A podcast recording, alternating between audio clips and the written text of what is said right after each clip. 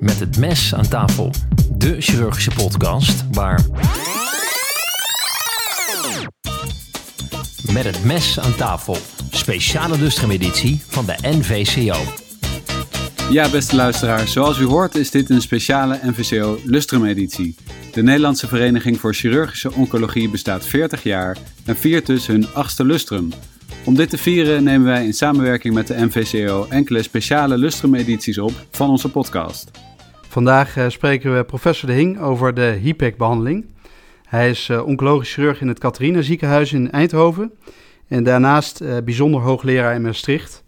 Hij was medeoprichter van de Dutch Pancreatic Cancer Group en ook de Dutch Peritoneal Oncology Group en zit in de executive board van de internationale variant daarvan.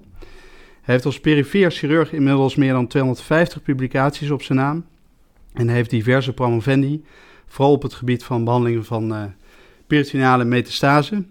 Uh, Ignas, welkom. Um, laten we beginnen met um, spreek ik het goed uit, Ignas? Hoe zeg je dat? Ja, Injas. Is, uh, Injas. Ik, ik, luister eerlijk gezegd naar alles, want uh, er zijn veel verbasteringen van mijn naam voorbij gekomen. Maar uh, Injas is de oorspronkelijke bedoeling geweest van mijn ouders. En, en waar komt het vandaan?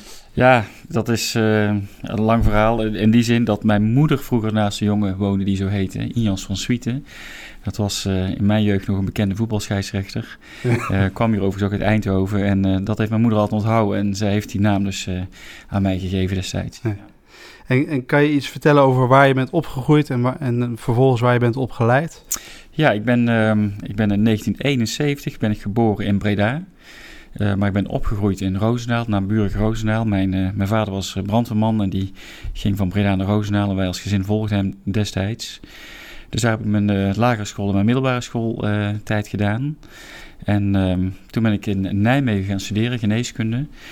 Um, ben vanuit de studie een jaartje weg geweest naar Seattle voor wetenschappelijk onderzoek. En toen ik terugkwam ben ik aan mijn opleiding chirurgie weer in Nijmegen begonnen. En de, in Seattle was dat dan ook voor PhD-onderzoek? Um, nou, niet zozeer. Ik, toen ik met mijn, op, toen klaar was, toen ja, toen, toen kwam ik eigenlijk pas achter, eerlijk gezegd, dat ik chirurg wilde worden. Uh, toen ik eraan begon, uh, had ik ooit het idee om kinderarts te worden. Nou, daar kwam ik gaandeweg achter dat dat niks voor mij was. En toen werd het chirurgie en ja, ben ik met professor Goren destijds gaan praten in, in Nijmegen. Um, en ik vroeg of hij misschien tips en tricks van mij had om eventueel een opleidingsplaats te krijgen. En toen had hij toevallig net aanbieding gekregen voor een onderzoeker van een jaar in Amerika, in Seattle. En uh, ja, de enige voorwaarde was dat ik twee weken later moest beginnen. Oh ja. maar uh, ja, dat was voor mij destijds geen enkel probleem. Ik uh, Snel kon mijn spullen pakken, en ik kon daar naartoe. En dat is, ja, het is om heel veel redenen een fantastische tijd geweest. Ja, ja geloof ik. Um, nou lazen we dat je sowieso wel wat, wat meer over de wereld reist. Um, in, in, je cv lazen we dat je honorary member van de Braziliaanse Association for Surgical Oncology bent. Zelfs de founding member van de Indiaanse uh, so, uh, Society voor uh, Peritoneaal Metastase. En die vonden wij helemaal spannend. Foreign member van de Iraanse variant. Ja, hoe, ja. Hoe, word je, hoe word je dat allemaal? Ja, nou, dat, dat komt omdat ik me vroeg in mijn chirurgische carrière heb gespecialiseerd in die HIPEC-behandeling. En uh, er zijn natuurlijk uh, ja, heel veel landen die later uh, dat ook zijn gaan doen. En die dan ja, experts vragen om hun mede op te leiden, om hun uh, programma's mee op te starten, om te zorgen dat ze een database op orde hebben. Dus in al die landen ben ik uitgenodigd om daar uh, mee vorm aan te geven. En uh, ja, dat, in die landen zijn ze wat meer uh, scheutig mee als Nederland. Hè, om, om dan mensen meteen ook uh, te, hoge titel te geven. eren met een, ja. met een titel. En ja, dat is in die landen dan mij te eer gevallen. Um, nou, ontzettend leuk en ontzettend leerzaam, ook voor mij moet ik zeggen. en vooral ook heel bevredigend om kennis die je in Nederland opdoet, om die in die landen ja, ter beschikking te stellen aan mensen die dat heel goed kunnen gebruiken. Ja. En hoe kwam je bij de HIPEC terecht? Um, nou, die, die HIPEC-behandeling um, kwam ik mee in aanraking omdat ik toen ik zelf een opleiding was voor chirurg, hè, dat was dus, zoals ik zei, in uh, Nijmegen.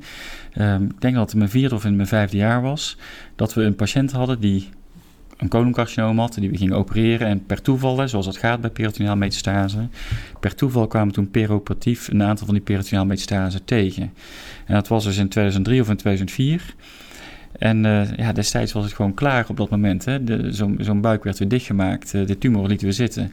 Uh, de patiënt kreeg te horen dat hij ongeneeslijk ziek was. En ja, we hadden daar op dat moment eigenlijk nauwelijks enige kennis van.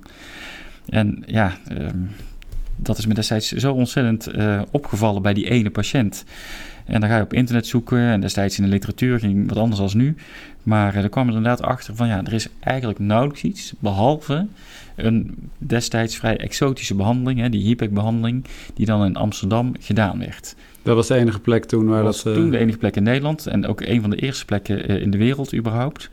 Um, en degene die dat programma meedeed, hè, Fik Verwaal, was mijn ouderejaars geweest toen ik in Nijmegen zat en ik nog Anios was. Dus ik kende hem. Dus ik belde hem op. Ik zei, joh, ik heb deze patiënt uh, gezien op de operatiekamer.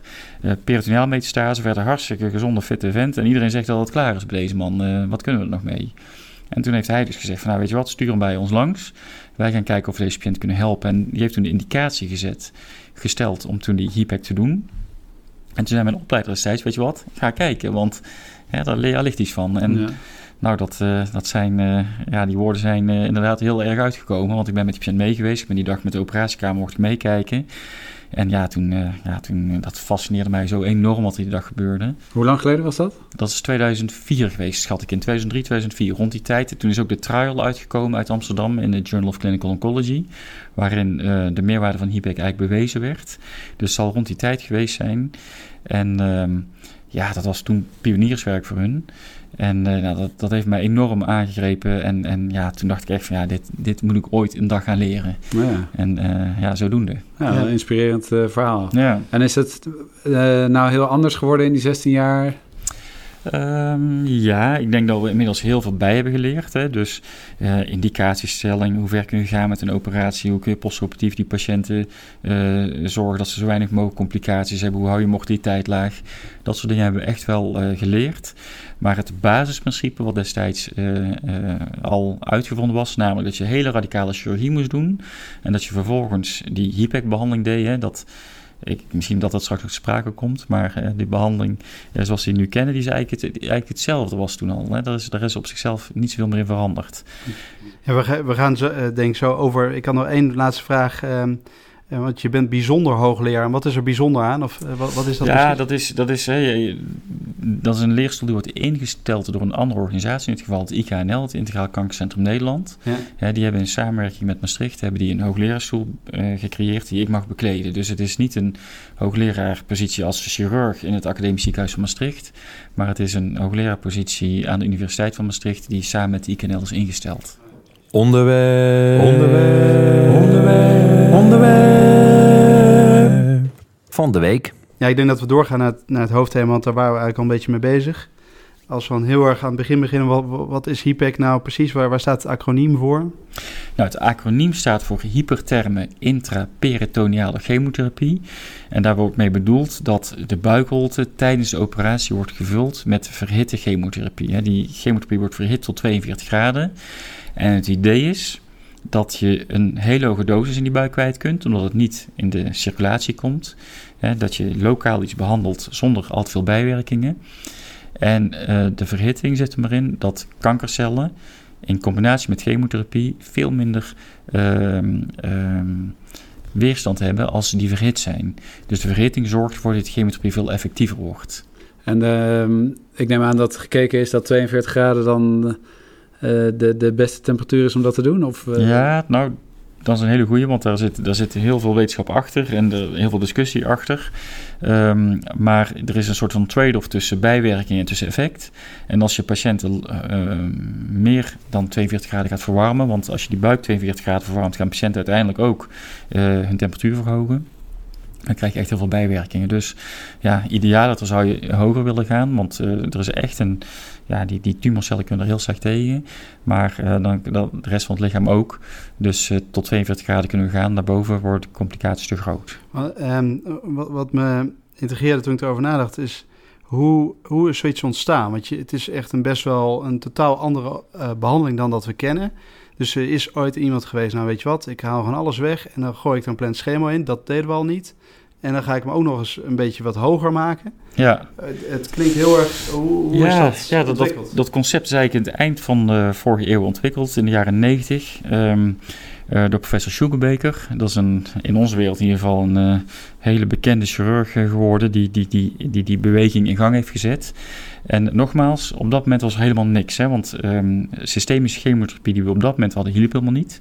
Is geprobeerd, mensen kregen chemotherapie, eh, werkt helemaal niet. Eh, conventionele chirurgie is geprobeerd, het verwijderen van de tumoren, hielp ook niet. Die tumoren groeien net zo snel weer terug dan dat je ze weggehaald had gehaald. Dus er moest een soort van doorbraak geforceerd worden. En hij heeft toen een aantal um, dierexperimenten gedaan en een aantal concepten uitgewerkt. En ja, het, het, idee van hitte bestaat al heel lang. Hè. Er zijn tumoren die uh, zelfs na een koortsaanval uh, zijn verdwenen. Dat is wel casuïstiek, maar, maar uh, de invloed van hitte op tumorgroei was al wat langer bekend. En hij heeft toen gezegd, weet je wat, alles wat op dit moment conventioneel is, werkt niet. En heeft toen een hele onconventionele behandeling bedacht. Namelijk, we gaan die chemotherapie brengen op de plek waar het nodig is, namelijk in de buik. En we gaan vervolgens gebruik maken van, van dat hitte-effect, wat we van, van andere tumoren casuïstisch kennen. Um, ja, dus um, dat is op dat moment ja, een, een, een, een idee geweest wat hij had gehad. En dat heeft hij langzaam zeker verder uitgewerkt. Ja, wel echt fascinerend dat um, in, in het begin uh, 20e eeuw of eind 19e eeuw, ja, dan was iedereen, uh, die, die pakte gewoon uh, 20% ergens vandaan en die kon er allerlei dingen mee doen. Maar dat je dat jaren 90 dat je dat inderdaad uh, uh, met onderzoek toch op de manier goed kan uitzoeken. Dat is dan toch wel een enorme pionier geweest. Ja, ja zeker. Ja. Nee, dat, en ja, zo staat hij ook bekend. Nog steeds iemand die heel onconventioneel is en, en, uh, en bijzondere ideeën heeft. Maar dit is denk ik wel zijn grootste bijdrage aan de chirurgische wetenschap geweest. Um, overigens, en dat, dat vergeten mensen vaak, uh, die HIPEC-behandeling, zo heet die, want dat is echt maar een onderdeel van de hele behandeling. Eigenlijk het allerbelangrijkste is die chirurgische behandeling. Want het verwijderen van peritoneaalmetastase, ja, dat is een, dat is een kunst op zich. Dat is een hele bijzondere vorm van uh, chirurgie. Uh, dat peritoneaalstrippen, dat, dat, dat, die bulken van de buik als het ware. En ook dat heeft hij uh, op de kaart gezet. Dat, dat, dat, is, dat lijkt een hele onoverzichtelijke operatie als je begint. Maar als je alle stappen volgt zoals hij die als eerste beschreven heeft, wordt het een hele schematische, overzichtelijke operatie. En dat blijft toch echt verantwoordelijk voor veruit het grootste gedeelte van het effect. En die HIPEC-behandeling waar iedereen het altijd over he he heeft, is wat mij betreft een soort van extra behandeling, die het wel zwaar extra effectief maakt. Maar het crux van de chirurgie zit hem in die, in die operatieve behandeling. En dat is de cytoreductieve ja, uh, ja. chirurgie. Ja. Want wordt dat nou altijd gecombineerd? Uh, HIPEC geef je nooit los? Nee, altijd. Uh, en, en een hele goede vraag, want dat... Dat denken mensen wel eens ooit, hè, van nou, er wordt wat in gekiept en dan is klaar. Nee, de chirurgische behandeling, hè, de, de cytoreductieve chirurgie, is de hoeksteen van de behandeling. En, en, en daar staat of valt het succes van die behandeling mee. En we weten ook dat het dus uh, de cytoreductieve chirurgie alleen, dat, daar zijn ze mee begonnen en dat hielp ook niet. Dus er, moet, er moest iets bij. Ja, nou, en, en daar is op dit moment veel discussie over. Ja, hè? Dat is de op, 7, ja. komen misschien nog over uh, te spreken. Maar inderdaad, uh, zeker in een tijdsgericht waarin dit ontstaan is, met de systemische behandeling die toen bestond. Hè, er was, stond nog in de kinderschoenen, was op zo'n 5 uur een leuke voorin. Dat was de enige chemotherapie die ze toen hadden. Nou, die chemotherapie in combinatie met conventionele chirurgie had hele slechte uitkomsten. Ja, uh, later willen we het nog wat uitgebreider hebben over de techniek. Uh, de chirurgische techniek. Um, maar we zijn ook wel benieuwd naar de indicaties uh, voor HIPEC en uh, cytoreductieve chirurgie. Want wat zijn de indicaties grofweg? Nou, op dit moment is in Nederland de belangrijkste indicatie is het peritoneaal gemetastaseerde coloncarcinoom. Um, en daar zijn inmiddels wel betere selectiecriteria voor. we weten bijvoorbeeld dat um, we de hoeveelheid uh, metastase aan het begin van de operatie systematisch moeten scoren. Dat gaat met de peritoneale carcinomatosis index, de PCI. Ja. Um, en als je dat heel systematisch doet, geef je aan een buik geef je een score van 0 als er geen tumor is, tot maximaal 39 als alle vlakken in een uh, buik zijn aangedaan. Dat gaat per regio's, gaat toch? per regio. 13 regio's in totaal, die van 0 tot 3 punten kunnen krijgen afhankelijk van de hoeveelheid tumor. En we weten dat het chirurgisch misschien mogelijk is om patiënten te behandelen die een PCI van boven de 20 hebben. He, dus als je, als je daar maar voor gaat staan en je gaat uren opereren, dan lukt dat. Maar dat het overlevingsvoordeel van die patiënten heel erg klein is. Ja, dus we hebben in Nederland eigenlijk afgesproken dat, ja, dat, dat het kantelpunt om wel of niet tot een operatie over te gaan tussen de 17 en 20 ligt wat betreft de PCI. En is daar, is daar goede evidence voor dat, dat, echt, dat je daar strikter moet zijn? 21 gezegd. Ja, nou strikt, het is altijd een, een, een grijs gebied. Ja. Hè, want um, de ene keer, we zien ook patiënten die 25 jaar zijn en die een PCI van 21 hebben. Dan ben je wat geneigd om verder te gaan dan iemand die, die 80 is en een PCI van 19 heeft, bij wijze van spreken. Dus het is, um, het is een relatieve uh, parameter die we meenemen, maar die wel heel belangrijk is. Ja. en, en ik vind uh, wat ze in het begin deden, namelijk mensen opereren met een uh, PCI van boven de 30, ja, dat is chirurgisch prachtig, maar daar heeft de patiënt echt helemaal niks aan als je mij vraagt. Hè. Ja. Die, die zal net zo lang of net zo kort leven als met chemotherapie alleen, uh, maar zal een heel groot gedeelte van zijn resterende leven in het ziekenhuis doorbrengen. Dus dat moet je gewoon echt niet doen. En nou, nou had ik voor de voorbereiding had ik de Nederlandse richtlijn erbij gepakt. Um, die is overigens, dat is niet heel groot stuk. Nee, uh, dat is één pagina. Uh, maar daar stond dat, er, uh, dat we kijken naar het aantal regio's. En dan zouden het over vijf tot zeven regio's. Dat vond ik al niet, ook al niet echt een afkappunt. Nee, nee nou, en, en dat is wel bijzonder. Hè. Toen, toen dit allemaal ontstaan is, deze, deze wetenschap zou ik zeggen rondom HIPEC. Toen waren er twee uh, scores in, in omloop. Dat was de wat internationale gangbare PCI, die ik net heb uitgelegd. Ja. En je had de Simplified PCI, die kwam uit Nederland. Die werd in het AVL aangehouden. En die deelde de buik in zeven regio's in. En als het in maximaal vijf regio's zat, was het um, van voordeel voor patiënt. Als het zes of zeven regio's waren die aangedaan waren, dan, dan was het niet meer zinvol. En het lijkt dat die twee scores eigenlijk heel goed correleren. Um, maar toch, ja, zoals dat soms gaat in de literatuur, uh, die PCI die wordt door iedereen gehandhaafd. Die simplified PCI die wij in Nederland graag hadden uh, voorgesteld, die heeft het in de literatuur niet gehaald. Dus wij houden nu eigenlijk de PCI aan. Dus eigenlijk uh, in Nederland doen we ook gewoon PCI. Ja, ja. inmiddels wel. Ja. Um, hoewel als Niels Kok dit hoort, hij misschien denkt van wij, uh, die zal nog wel een lans willen breken voor die Simplified, omdat daar goede evidence voor is. Hè? Maar ja. internationaal is de PCI echt wel gangbaarder. En als jullie patiënten verwezen krijgen, um, uh, wordt er dan vaak ook een PCI-score bij vernoemd? Uh, kennen chirurgen in Nederland? Ja, steeds meer. Score, steeds meer. Alleen, ja, wat je ziet, is dat het vaak onderschat wordt. Hè, dus uh, hoe, hoe, gaat het? Patiënten krijgen tegenwoordig vaak een laparoscopie, hè, een laparoscopische colonresectie. Dan zien ze een paar van die spatjes en dan zeggen ze, nou, uh, we zien peritoneaalmetastase. En dan is het advies om te stoppen en te verwijzen. Nou, dat is al heel fijn, vind ik, dat dat steeds vaker gebeurt. Um, en als je dan vraagt hoeveel zat er, dan, ja, dan lijkt het altijd wel mee te vallen. Um, Want ja, er wordt er niet systematisch gekeken in al die regio's. Nee, nee, nee, nee. En bovendien, ja, het is ook vaak ontzettend verhaal. Die peritoneaalmetastase, die kruipen in alle hoekjes en gaatjes. En die zitten tussen het vet, die zitten op de interface tussen darm en mesenterium. Die zitten net aan de achterkant van de diafragmakoepel. Kortom, precies op die plekken waar je, als je uh, alleen maar een laparoscopie doet en niet meer dan dat, uh, eigenlijk niet goed kijkt. Dus mijn ervaring is dat verwijzende ziekenhuizen steeds beter uh, dat aan ons rapporteren en soms ook filmpjes mee sturen, zijn we ontzettend blij mee. Uh, maar de neiging bestaat om het te onderschatten. Nou, vroeger deden we dan vaak een re-laparoscopie. Moesten we weer opnieuw kijken, dat natuurlijk zonde is. Tweede ingreep voor de patiënt. Of begonnen we aan een operatie waarvoor we de hele dag gereserveerd hadden. En moesten we een uur stoppen, omdat het zo ontzettend tegenviel. Ja. Er is iets nieuws uh, op dit moment wat speelt. En dat is de MRI, de, de, de Diffusion Weighted MRI is dat. Um, en die lijkt heel goed een indruk te kunnen geven over de PCI. Dat is um, een techniek die uh, door Max Lahey, een radioloog in het Antonie heel erg uh, ontwikkeld is. En die onderwerp is van de DISCO Trial, waar we op dit moment mee aan het werk zijn. En we hopen dat we mensen steeds beter kunnen stadiëren middels een MRI. Maar dat is dus onderwerp van, dat, van het onderzoek. En dat is stadiëren, maar kan je er ook al... krijgt het dan ooit een rol in ook opsporing? Is dat um, voldoende? Um, ja, dat, is, dat, is, dat denk ik haast wel. Um, um, ja, zijn notoir uh, onbetrouwbaar uh, ja. op radiologisch onderzoek. Ja, PET-scan helpt niet, CT-scan helpt niet, de conventionele MRI slaat ons in de steek. Um, en toch willen we van een aantal patiënten weten of zij, hè, met name die hoogrisicopatiënten, of ze peritoneaalmetastase ontwikkelen. En dan zou ik me niet verbazen als straks we dat betrouwbaar hebben kunnen aantonen, dat het uh, een goede weergave van de PCI geeft, dat het ook voor de follow-up van belang wordt. Ja, Zeker. van hoogrisicopatiënten denk ik dan. Ja. En, en nu, ik zag ergens nog iets over circulating tumor DNA. DNA. Kan dat nog Kunnen gaan we dat nog gebruiken in de toekomst? Of Ja. zijn er andere dingen die, die we kunnen gaan gebruiken behalve die MRI? Of wordt het gewoon die MRI?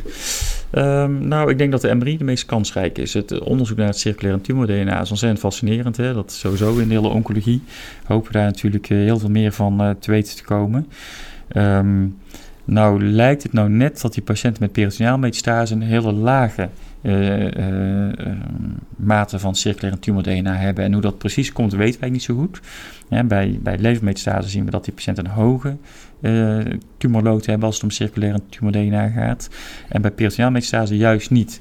En je zou je eens eh, conceptueel, conceptueel bij voor kunnen stellen, hè, als zo'n tumor zich inderdaad in het peritoneale compartiment afspeelt, hè, dat er weinig... ehm, Contact met de circulatie is. Precies. Ja. Dus dus eh, ik denk dat circulaire tumor-DNA niet... ehm, nee. Want wat doe je dan precies? Je, je kijkt in het bloed of eh, met dat eh, circulating tumor DNA. eh, hoe werkt die detectie? Daarvan? ja, dat, dat is, dat is eigenlijk een hele nieuwe techniek die in opkomst is in de oncologie. Voor een heel groot gedeelte een onderzoeksverband. Ehm, iemand die daar heel veel werk aan doet is Raymond Feyneman in het Antonie van Leeuwenhoek ziekenhuis. Ehm, wat zij proberen is om ehm, ja, risico-inschatting bij kankerpatiënten te correleren met een eh, stukjes DNA die ze in het bloed kunnen eh, terugvinden en die hun origine kennen in de tumor. Ja, dat, is, dat lijkt zoeken naar speld en hooiberg en dat is het eigenlijk ook. Het is echt waanzinnig knap dat ze dat kunnen. Ehm, maar je kunt je voorstellen dat het, dat het ci- circuleren van DNA, wat van de tumor afkomstig is in het bloed, dat dat iets over de prognose zegt. Ehm, ja, heel fascinerende tak van wetenschap. En eh, ja, daar wordt met name door Feyneman wordt daar in Nederland heel, eh, heel erg aan getrokken. Ehm, als we nog even teruggaan naar, naar die indicatie, dan eerst het colorectaal. eh, We komen nog op de andere indicaties, maar het colorectaal carcinoom is toch het belangrijkste, denk ik. Ja. Eh, we hebben dus die PCI, die weten we. eh 17 tot 20 of zo kunnen we, kunnen we wel eh, doorverwijzen. Ja. Zijn er dan andere ehm, eh, dingen die juist een contra-indicatie zijn? We hebben, we- ik heb er een paar opgeschreven hoor. En misschien kunnen we er doorheen. Maakt het uit of er ascites zit? Nee, ascites is eigenlijk niet van belang. Nee. Want dat zie je wel heel veel bij peritoneaal metastase, Ja. Of een ilius van de tumor. Ehm, nee, dat is op zichzelf niet van belang. Ehm, althans, niet als het gaat om de indicatie tot. Eh, maar dat zijn wel dingen die de behandeling kunnen compliceren. Hè. Soms moet je een operatie uitstellen omdat de patiënt een obstruerende tumor heeft. Ja. Moet je eerst een stoma aanleggen. Of, ja, dat, dus wel iets om rekening mee te houden, maar zeker geen contra-indicatie. En dan het eh zegelringceltype. Ja, ja dat, is, dat is ook weer zoiets fascinerends. Ehm, we kwamen er op een gegeven moment achter dat, dat we een aantal patiënten hadden die heel snel recidief van ziekte hadden, heel snel overleden, ondanks een succesvolle HIPEC. En eh, dan ga je toch afvragen van ja, wat is hier misgegaan? En ja, toen kwamen we erop dat een aantal van die patiënten bleken dat zegelringcelcarcinoom te hebben. En toen hebben we met een aantal ziekenhuizen in Nederland alle resultaten gepoeld. Hè. Iedereen houdt zijn eigen database bij. En toen bleek inderdaad dat in elk ziekenhuis patiënten die een zegelringcelcarcinoom geopereerd hadden, dat dat zo'n slechte prognose had. En dat heeft zelfs zo'n slechte prognose dat wij eigenlijk denken dat dat ook weer een relatieve contra-indicatie zou moeten zijn. Eh, we weten niet zo goed hoe het komt. Ehm, het is biologisch niet goed uit te leggen nog. Hè. Dat, dat is nog niet goed gekarakteriseerd wat dat betreft. Maar we zien dat alle patiënten die dat, dat specifieke subtype hebben, echt een slechte prognose hebben. En, en er dan niet aan tenzij iemand 40 is of zo? Is Precies, dat, ja, dat- ja, ja het, is, het is een, eh, net als die PCI, het is weer een, eh, hè, je, op een gegeven moment ga je een afweging maken of je iets wel of niet moet doen. En dan leg je al deze factoren leg je op je weegschaal. Ja. En dan is het wel, hè, een zegelingcel, dan moet je wel echt hele goede andere argumenten hebben om een operatie te doen. ehm, dan wanneer je met een normaal adenocarcinoom te maken hebt. Ehm, en levermetastase, eh, zijn we daar al iets vrij in geworden? Want ik dacht dat het eerst niet was. Maar... Nou, eh, heel simpel. In Nederland is het eigenlijk eh, volgens de zorgverzekeringswet niet toegestaan. Hè? Er is een definitie en die zegt dat een HIPEC in Nederland eigenlijk alleen is toegestaan bij patiënten met niet gemetastaseerde ziekte. Ja. Nou blijkt dat bij een aantal patiënten, dat hebben ze in het buitenland namelijk uitgezocht, bij een aantal patiënten met beperkte PCI en beperkte leefmetastasering, dat het wel degelijk mogelijk is om die patiënten goed te behandelen. En hoe we daar nu mee omgaan, is dat we die patiënt in principe chemotherapie geven, kijken hoe het biologisch gedrag is. Nou, als het eerst drie metastase zijn, zijn er negen, dan weet je dat het eh, geen zin heeft. Maar als die metastase remissie gaan en de peritoneale metastase blijven onder controle, dan gaan we verder denken. En dan is over het algemeen de eerstvolgende stap dat we de leefmetastase aanpakken. En als zo'n patiënt dan op dat moment eigenlijk vrij is van systemische metastase en alleen maar peritoneale metastase heeft en alle behandelingen goed doorstaan heeft, dan zijn we geneigd om alsnog die behandeling te doen.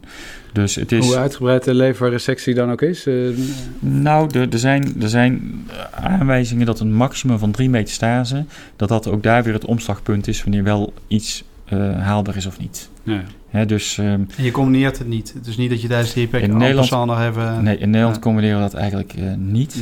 Nee. Uh, op misschien hele grote uitzonderlijke dagen laten. Als er een hele kleine perifere gelegen lesie is, waarvan je soms ook kunt. He, soms is het ook moeilijk om in te schatten of het een echte hematogene metastase is, of dat het een peritoneale implant is die lever ingroeit. Ja, ja. dus dan geven we soms het voordeel van de twijfel. Maar um, in principe um, niet. Tenzij we dat traject eh, doorlopen. En dan moeten er natuurlijk heel veel dubbeltjes de goede kant op vallen. voordat je dan uiteindelijk aan de IPEC toe komt. Maar toch, een aantal keer lukt dat. Ja, hebben mensen toch een bijzonder biologisch gedrag. ondanks de metastase. En kun je ze toch weer een uh, goede prognose geven. Ja. Um, en je zei net al eventjes. Uh, toen we het hadden over patiënten die verwezen worden. Um, dan hebben ze een laparoscopie gehad. en dan worden er een paar afwijkingen gezien op het peritoneum. en dan wordt de operatie verder gestaakt en wordt de patiënt doorverwezen. Is dat ook uh, wat, uh, wat men in Nederland moet doen als bijvoorbeeld een patiënt gepland is voor een electieve uh, hemicolectomie bijvoorbeeld? Um, en je ziet daar twee kleine spatjes op het peritoneum. Moet je dan meteen stoppen of moet je dan vrieskoepers afnemen of doe je toch die resectie en dan kijk je daarna wel? Nee, nee, nee. Idealiter wat mij betreft worden die uh, afwijkingen gebiopteerd en wordt dat bevestigd. Want soms zijn het ook vreemd lichaamgranulomen. Ja, als mensen een keertje ontsteking hebben gehad, we hebben wel eens een keer gehad dat patiënten zijn verwezen met endometriose, wat er ook zo uit kan zien. Kortom, het is wel heel belangrijk dat die peritonealmetastase PA bewezen worden. Maar dan hebben wij echt het liefst dat er gestopt wordt. Je moet je voorstellen, die twee kleine spatjes zijn een uiting van peritoneaal gemetastaseerde ziekte, van miljoenen of miljarden cellen die zich daar ophouden. En op het moment dat je een resectie doet, dan gaat het lichaam cytokines vrijmaken, groeifactoren vrijmaken. Dat is allemaal fantastisch om die wonden te doen genezen. Maar die tumorcellen genezen daar fantastisch van. Die, die, die, die, excuus, die profiteren daar fantastisch van. En vroeger zei ze wel, er is lucht bij geweest. Dat is zo'n uitspraak van ja, als er lucht bij is geweest, gaat het mis. Nou, dat is niet zo. Maar je immuunsysteem gaat omlaag. Je, uh, je inflammatoire respons gaat omhoog. En die kankercellen die hebben vrij spel. Ja, dus inderdaad, zo weinig mogelijk trauma toedienen op dat moment. Operatie afbreken en verwijzen. En dan zullen wij de cytoreactieve chirurgie, primaire tumor verwijderen en die HIPEC uitvoeren. Ja, en dat, dat geldt dan bijvoorbeeld niet, denk ik, als je een obstructief carcinoom hebt uh, waar je op vastloopt? Nee, maar dan zou ik gewoon een deviant stoom aanleggen. He, dus ja. ook dan zou ik niet zeggen, weet je wat, dan halen we die primaire tumor er maar uit. Want dat werd in het verleden natuurlijk vaak gedaan. En dan kregen wij ze zes weken later, gingen we opnieuw opereren. En dan zie je dat het hele retroperitoneum, waar dat, dat wondvlak zit, zit, zit helemaal vol met kanker. Dat is onvoorstelbaar, maar dat is zo'n uh, zo'n voedingsbodem voor die, voor die peritoneale metastase. Ja, voor, ja. ja, absoluut. Dat, dat, ja. En nogmaals, het heeft niks met lucht te maken, maar het heeft, het heeft een echt een hele goede fysiologische verklaring waarom dat zo uit de hand loopt. Ja, en nou um, wordt er dan gezegd uh, in de richtlijn van er moet een adequate cytoreductie kunnen plaatsvinden. Uh, wat is adequaat of hoe schat je dat in? Is dat, uh, hoe ga je daarmee om? Ja, nou ja, adequaat. Het, is een vak op zich, dat cytoreductieve chirurgie. Ik zei het in het begin al, het is um, een bijzondere vorm van opereren, waarbij je grote peritoneale oppervlaktes kunt strippen, waarbij je soms diafragma gedeeltelijk mee moet nemen, waarbij je in op plaatsen komt in de buik waar je normaal gesproken niet zo makkelijk komt. Hè. Op momenten minus moet je helemaal uitpluizen. Je moet achter lever kijken, achter treitsen. Die tumorcellen die verstoppen zich op plaatsen die, uh, die ons inmiddels wel bekend zijn. Maar dan moet je echt van, uh, van goed op de hoogte zijn. Dus wij vinden het, en gelukkig vindt Sonkels dat ook, dat dit uh, complexe chirurgie is die gewoon in ja, redelijke volumes gedaan moet worden. Hè. Tenminste 20 per jaar. Uh, in een centrum. En ik denk dat dat ook, ja, dat dat net zoals bij pancreaschirurgie, bij slokdarmchirurgie, een hele goede rationale voor is. Uh, dat hoe, hoe vaak je dat doet, hoe adequater je cytoreductie wordt. Want dat bepaalt de uitkomst. Als jij echt een radicale resectie kunt uitvoeren, ja, dat heeft echt heel veel meer waarde dan de HIPEC die je daarna doet. Je kunt niet denken van we laten wat tumorcellen zitten of we laten... Nee, het moet echt radicaal zijn of niet. Ja, maar dat, dat schat je van tevoren in. Dus ook als iemand een PCI van 10 heeft, kan het dat het gewoon niet resectabel is. Ja, omdat zeker. Het gewoon, helaas. Ja. ja. ja. Er is, hè, die tumoren gedragen zich ook allemaal iets anders. Sommige fenotypes van die tumoren, die, die, die, die, die metastaseren heel massaal naar de dunne darm. En wat je dan ziet is dat er tientallen metastasen over de dunne darm verspreid zijn en de rest van de buik brandschoon is. Ja. En dat is, dat is ja, je snapt er niks van. Hè. Daar, daar moet iets aan te grond liggen wat wij nu niet uh, begrijpen. Uh, maar die, die heb je en dan zeg je, ja, de PC is maar 12, vier keer de dunne darm en de rest is schoon. Maar die is toch 100% irresectabel. Dus het is een inschatting van zowel de hoogte van de PCI als ook kun je alles radicaal verwijderen. Ja. ja. Um, nou gaan we het zo nog wat uitgebreider over de techniek hebben. Um, maar we hebben nu het vooral over colorectaal carcinoom. Um, wat zijn nou andere indicaties voor HIPEC nog? Ja, andere indicaties ook weer een Nederlands onderzoek. Um, uh, uit het uh, Antonie van Leeuwenhoek ook gestart door Willemien van Drillen, gynaecoloog. Die heeft aangetoond dat voor de intervaldebulking uh, van het uh, ovariumcarcinoom OVPEC ook heel erg uh, positief is.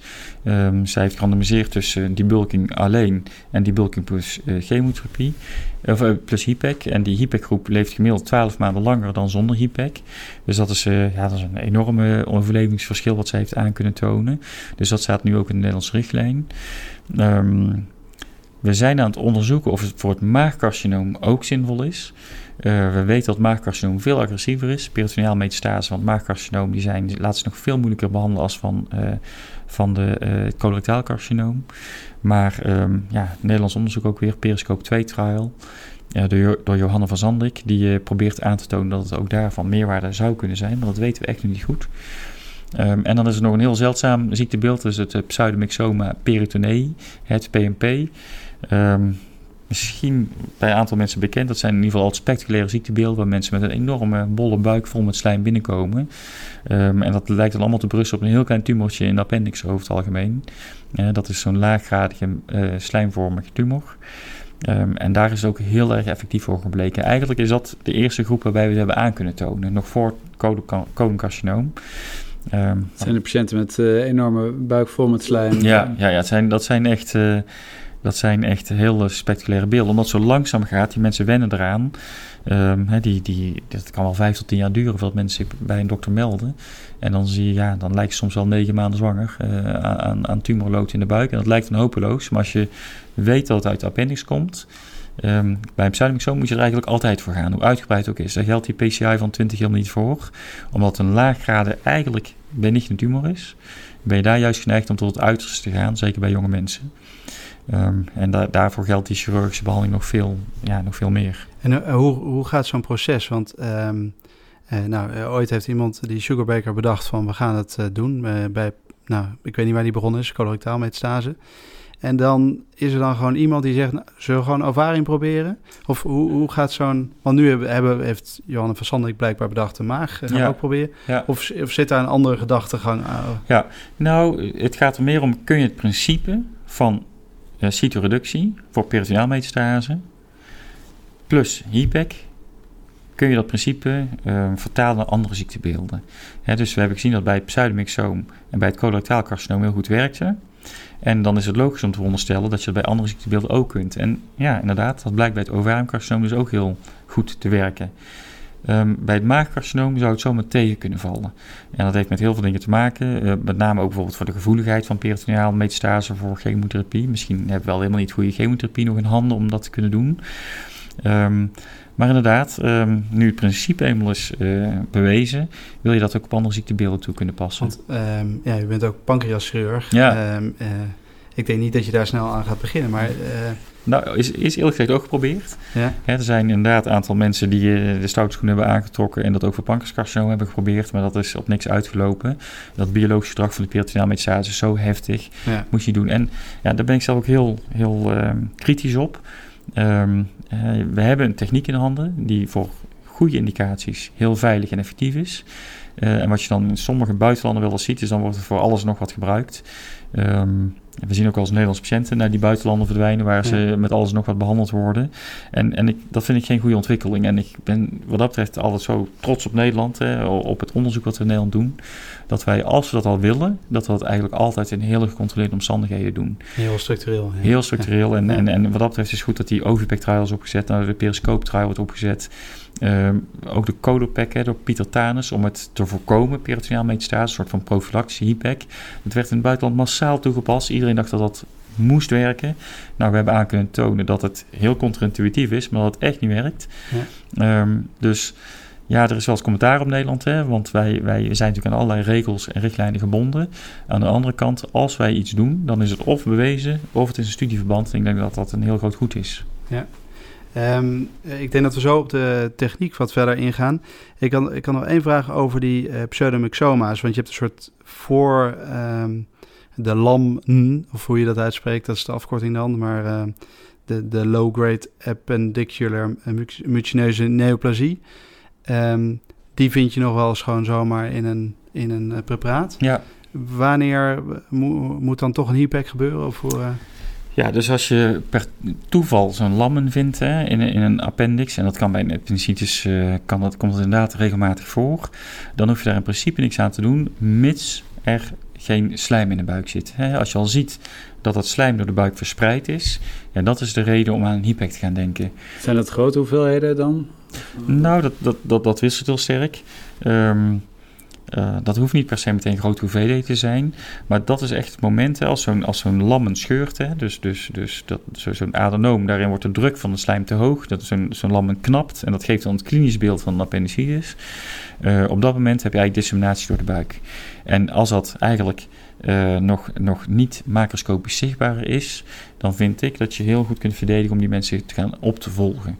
Het zij met beeldvorming, het zij bij, bij hoge verdenking een laparoscopie te doen na een jaar. Dus een geperforeerde appendix bedoelt u dan ja, bij, bij een ja, daar zou, ik dus, ja. daar zou ik dus geen HIPEC bij doen. Oké, okay. ja, Maar uh, als je volgens wel ziet dat er al slijm is in, in, in, in het kleine bekken of onder het diafragma, want dat zijn de verspreidingsvormen. Hè. Dat slijm dat, dat gaat niet diffuus door de buik, niet per toeval, maar dat wordt of met de zwaartekracht naar het kleine bekken gebracht. En vandaar dat bij vrouwen die ovariumetastase zo vaak voorkomen, of het wordt met de, met de uh, peritoneale vloeistof wordt het naar het rechter middenrif getrokken. Ja, dus het rechter middenrif is absoluut een voorkeursplaats voor die slijmvorming. En als je daar ziet zitten, ja, dan, dan is wat mij betreft cytoreductieve chirurgie en IBEC zeker aangewezen. Dus dat is wel iets waar, uh, als je als uh, vierdejaars AIOS een appendectomie staat te doen en je ziet ergens een kloddertje slijm, dan moet er wel een alarmbel ja, zeker, uh, afgaan. zeker. Hetzelfde geldt voor, bij liesbreuken, zien ze soms. Dan maken ze een liesbreuk open, zit er wat slijm.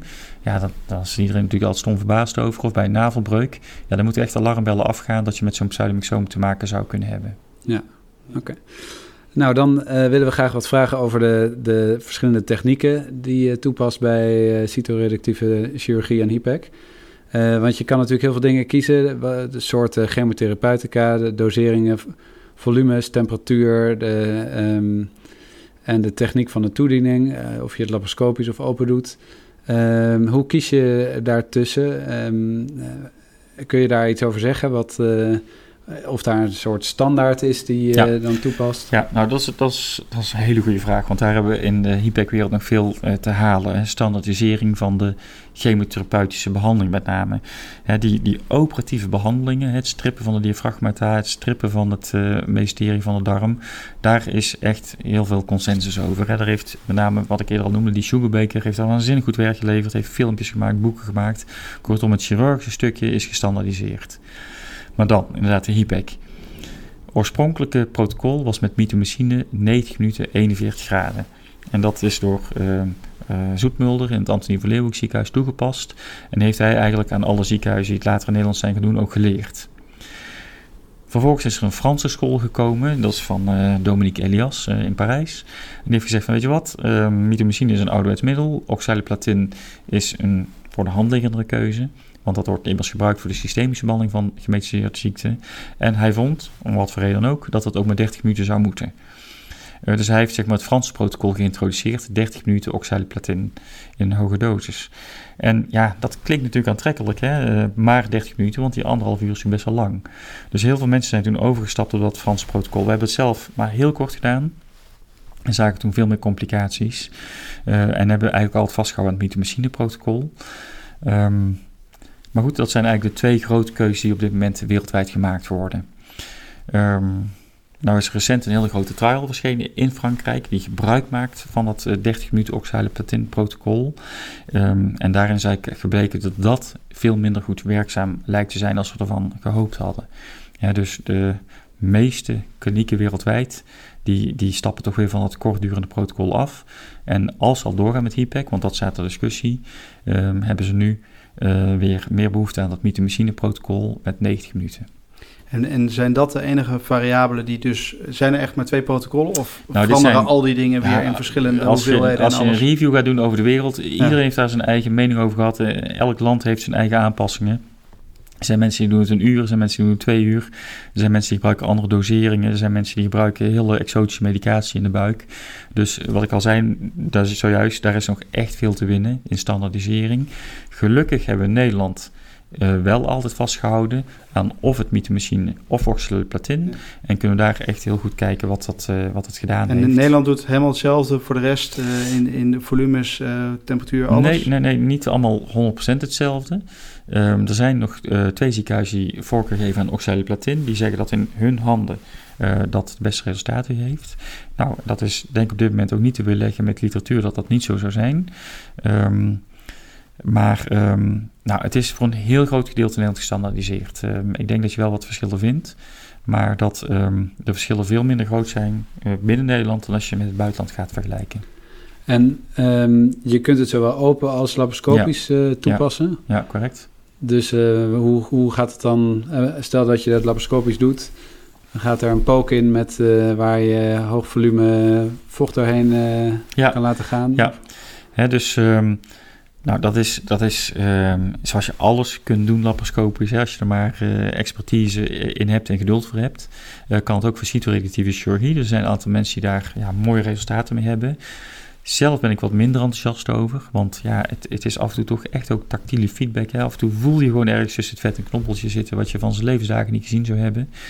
Ehm, dus de laparoscopische resectie vind ik zelf nog lastig, maar eh, wat sommige ziekenhuizen dan wel doen, is inderdaad na de resectie sluiten ze de buik en brengen ze inderdaad inflow- en outflow katheters aan en spoelen zo gesloten. En het belangrijkste voordeel zou zijn dat dat veiliger is voor het operatiepersoneel. Want je hebt dan geen contaminatie van de buitenlucht. Ehm, nou, er is al heel veel over gezegd en over geschreven.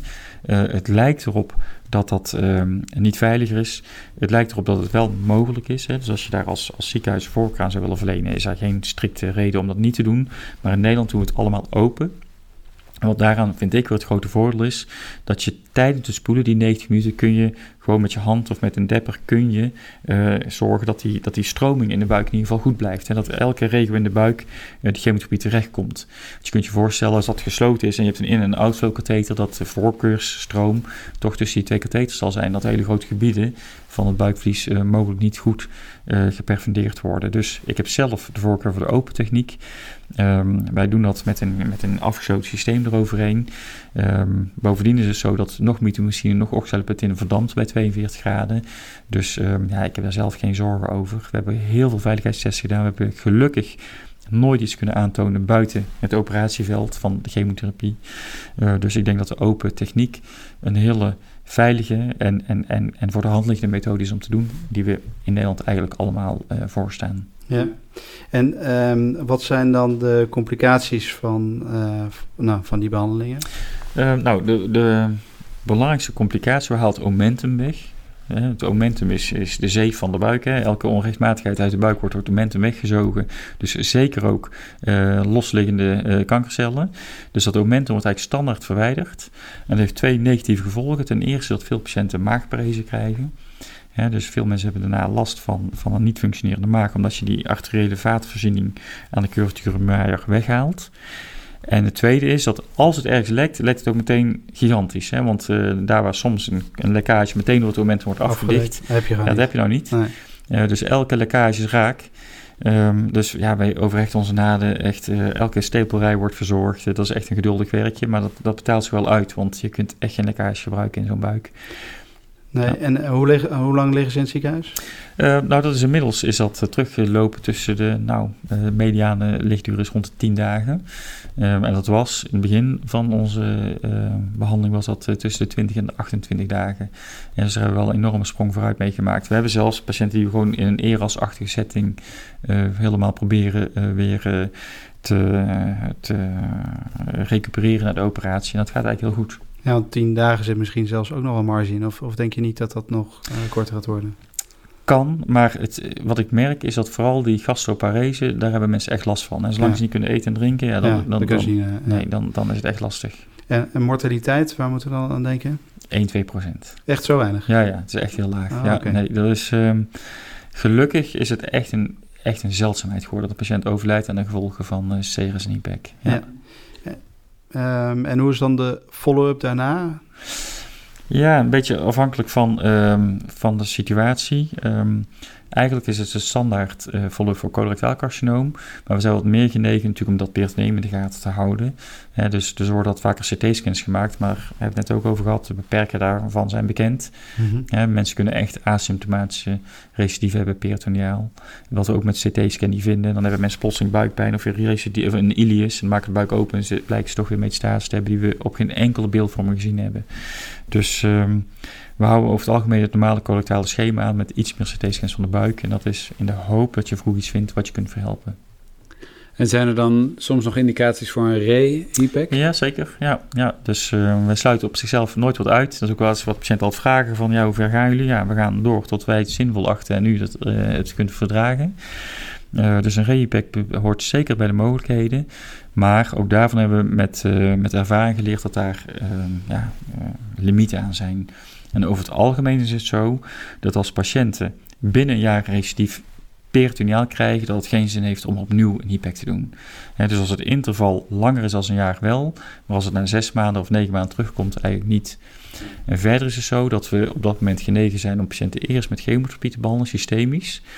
En als mensen progressief zijn onder die chemotherapie, dat we dan over het algemeen uh, ook niet overgaan tot een HIPEC. Dus je wil op enige manier wil je toch wat grip krijgen op het ziektebeeld voordat je weer aan de re-HIPEC begint. Ja, oké. Okay. Uh, nou had je al kort um, enkele studies benoemd. Um, kun je in het kort zeggen wat er, of er nog spannende dingen aan zitten te komen? Ja, nou, wat ons persoonlijk betreft, in Nederland betreft, zijn we een heel grote studie bezig, als de KRO6-trial je moet je voorstellen dat uh, in het buitenland heel veel um, patiënten die met peritoneaalmetastase gediagnoseerd worden, eerst chemotherapie krijgen, systemisch. Dat is een soort van reflex die wij in Nederland niet zo goed begrijpen, maar die in het buitenland echt heel erg uh, vaak gedaan wordt.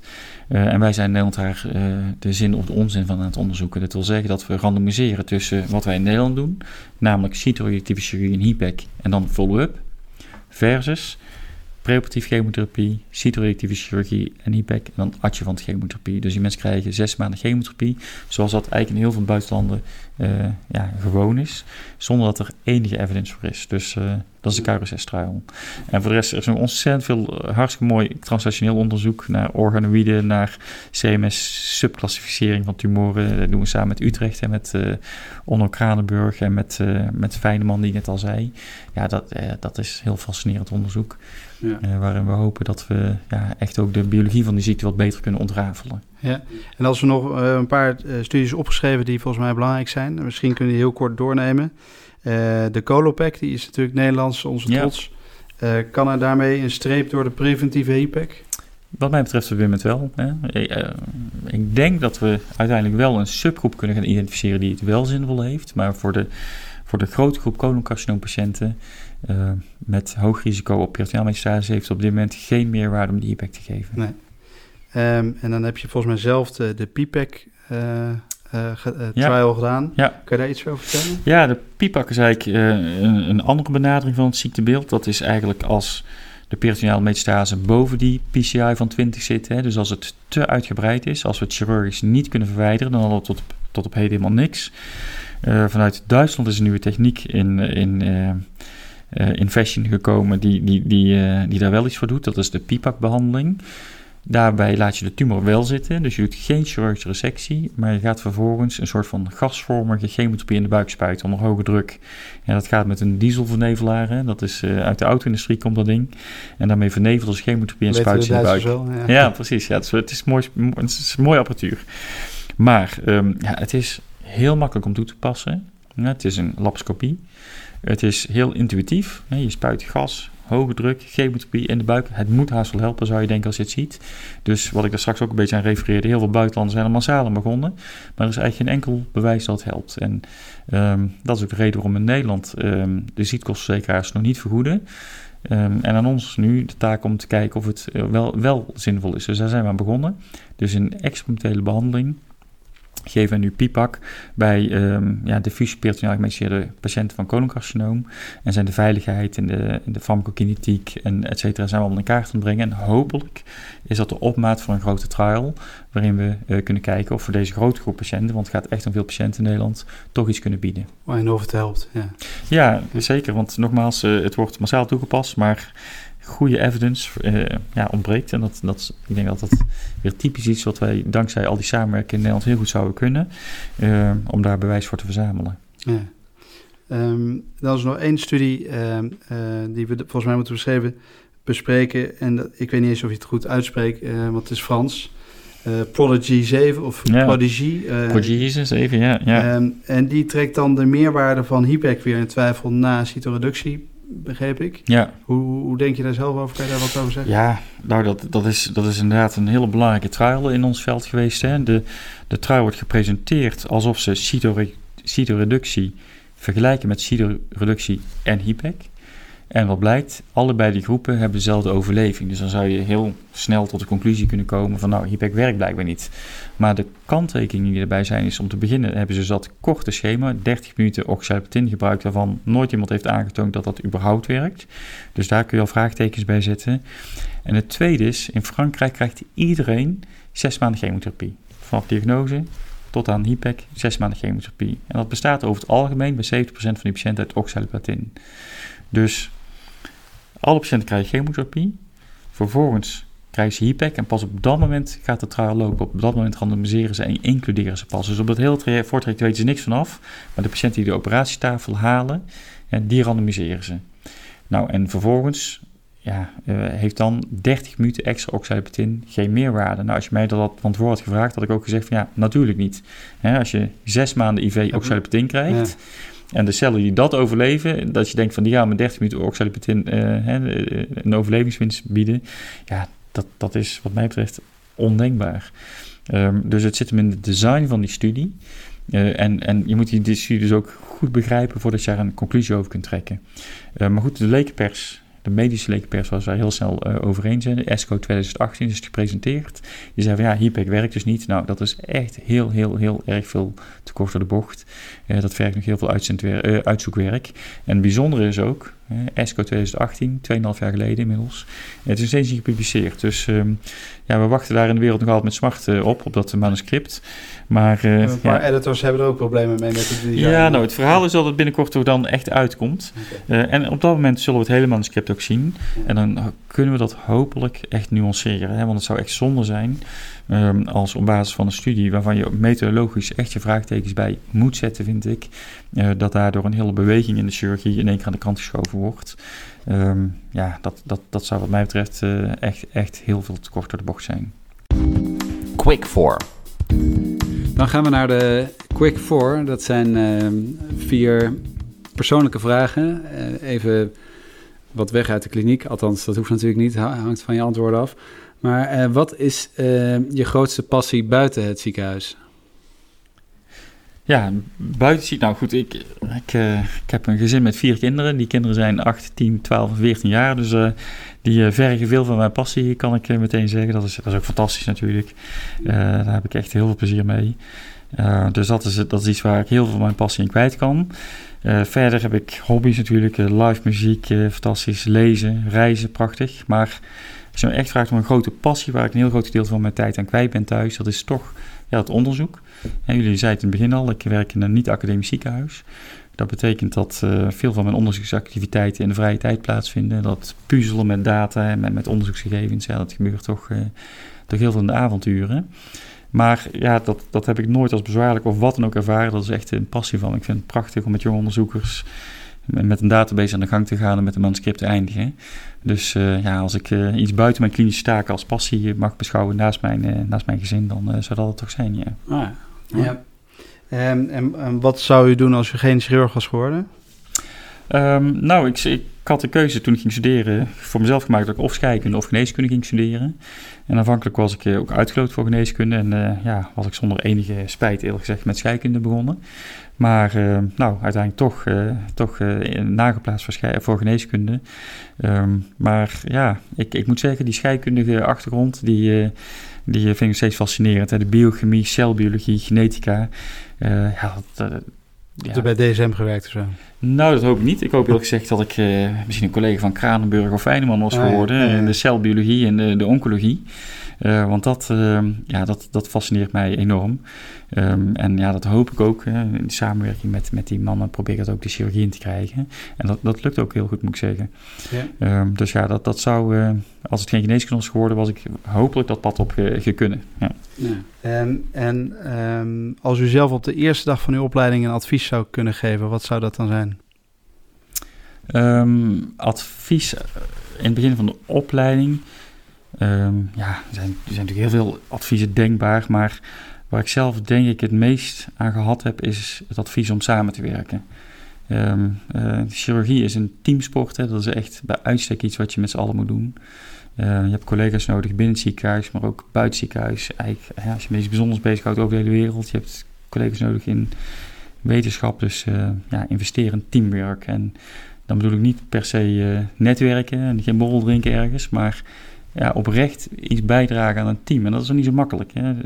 Als je een tijdje meegaat, dan merk je dat achter schermen toch ja, bijdrage aan een team toch heel vaak van dezelfde mensen komt in Nederland. Mhm. Ehm, ja, je kunt je daar vrij makkelijk in onderscheiden in positieve manier. Als je echt, als je echt een team versterkt, ja, dat is, dat is fantastisch. En dan brengt je zelf verder, brengt de wetenschap verder. Dus dat zou mijn advies zijn. En wat is de belangrijkste verandering binnen de chirurgie geweest uh, tijdens je carrière? Ja, dat is, dan, dat is dan toch die behandeling van patiënten met gemetastaseerde ziekte. Hè. Wat ik al zei, in het begin was het open-dicht, klaar.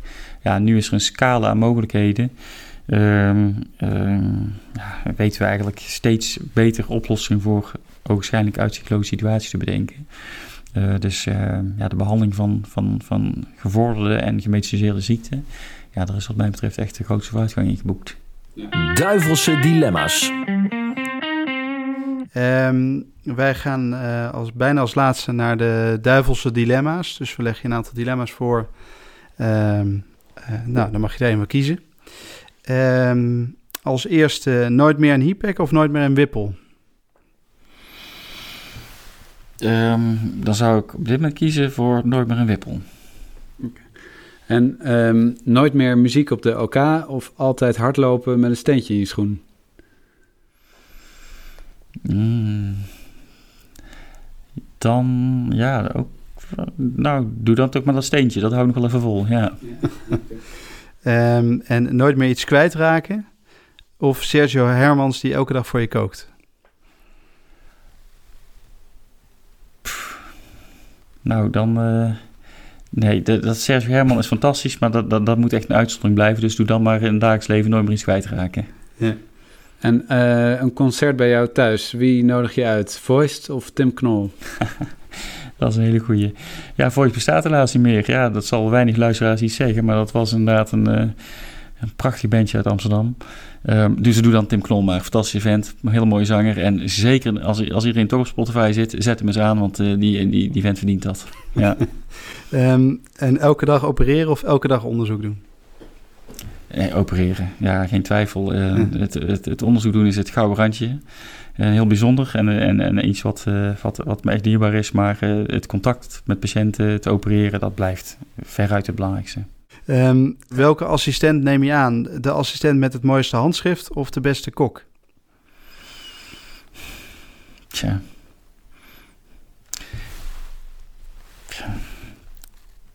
Nou, dan zou ik toch de beste kok aannemen. Ik bedoel, als kok moet je toch eh, creatief zijn. En eh, ja, dan heb je, heb je in ieder geval in je om iets moois voor andere mensen te maken. dat vind ik belangrijker, denk ik, als een, eh, als een mooi handschrift. Ja. En dan ehm, als laatste, voordat we afsluiten, willen we je vragen of, nog, of je nog iets wil meegeven aan de luisteraars. Een take-home message of iets wat we moeten onthouden van wat we allemaal besproken hebben. Nou ja, als het, als het om mijn vakgebied gaat, dus, dus inderdaad die peritoneaalmetastase, dan zou ik mee willen geven dat, dat overleg met centra altijd mogelijk is. Hè. We, we, doen inmiddels IPEX in negen ziekenhuizen in Nederland. Als je het niet weet, als, als er vragen zijn erover, bel altijd op. We zijn er, we zijn er altijd voor. En um, ja, ik denk dat dat voor de patiënten goede komt als, uh, als wij meedenken. En dat zeker niet als bedreigend moet worden gezien. Um, dus bij peritoneaalmetastase, uh, pak de telefoon en overleg. Oké, mooi. Nou, dan denk ik dat we hiermee aan het einde zijn gekomen van de aflevering. Fantastische aflevering, heel veel geleerd. Bedankt daarvoor. En uh, mooi om dat allemaal zo. Het is een duidelijk overzicht, denk ik, zo voor de, voor de luisteraars. Dus ontzettend bedankt voor je medewerking. Graag gedaan. Dit was Met het Mes aan tafel. Deze podcast wordt mede mogelijk gemaakt door Johnson Johnson. Dank voor het luisteren en tot de volgende uitzending.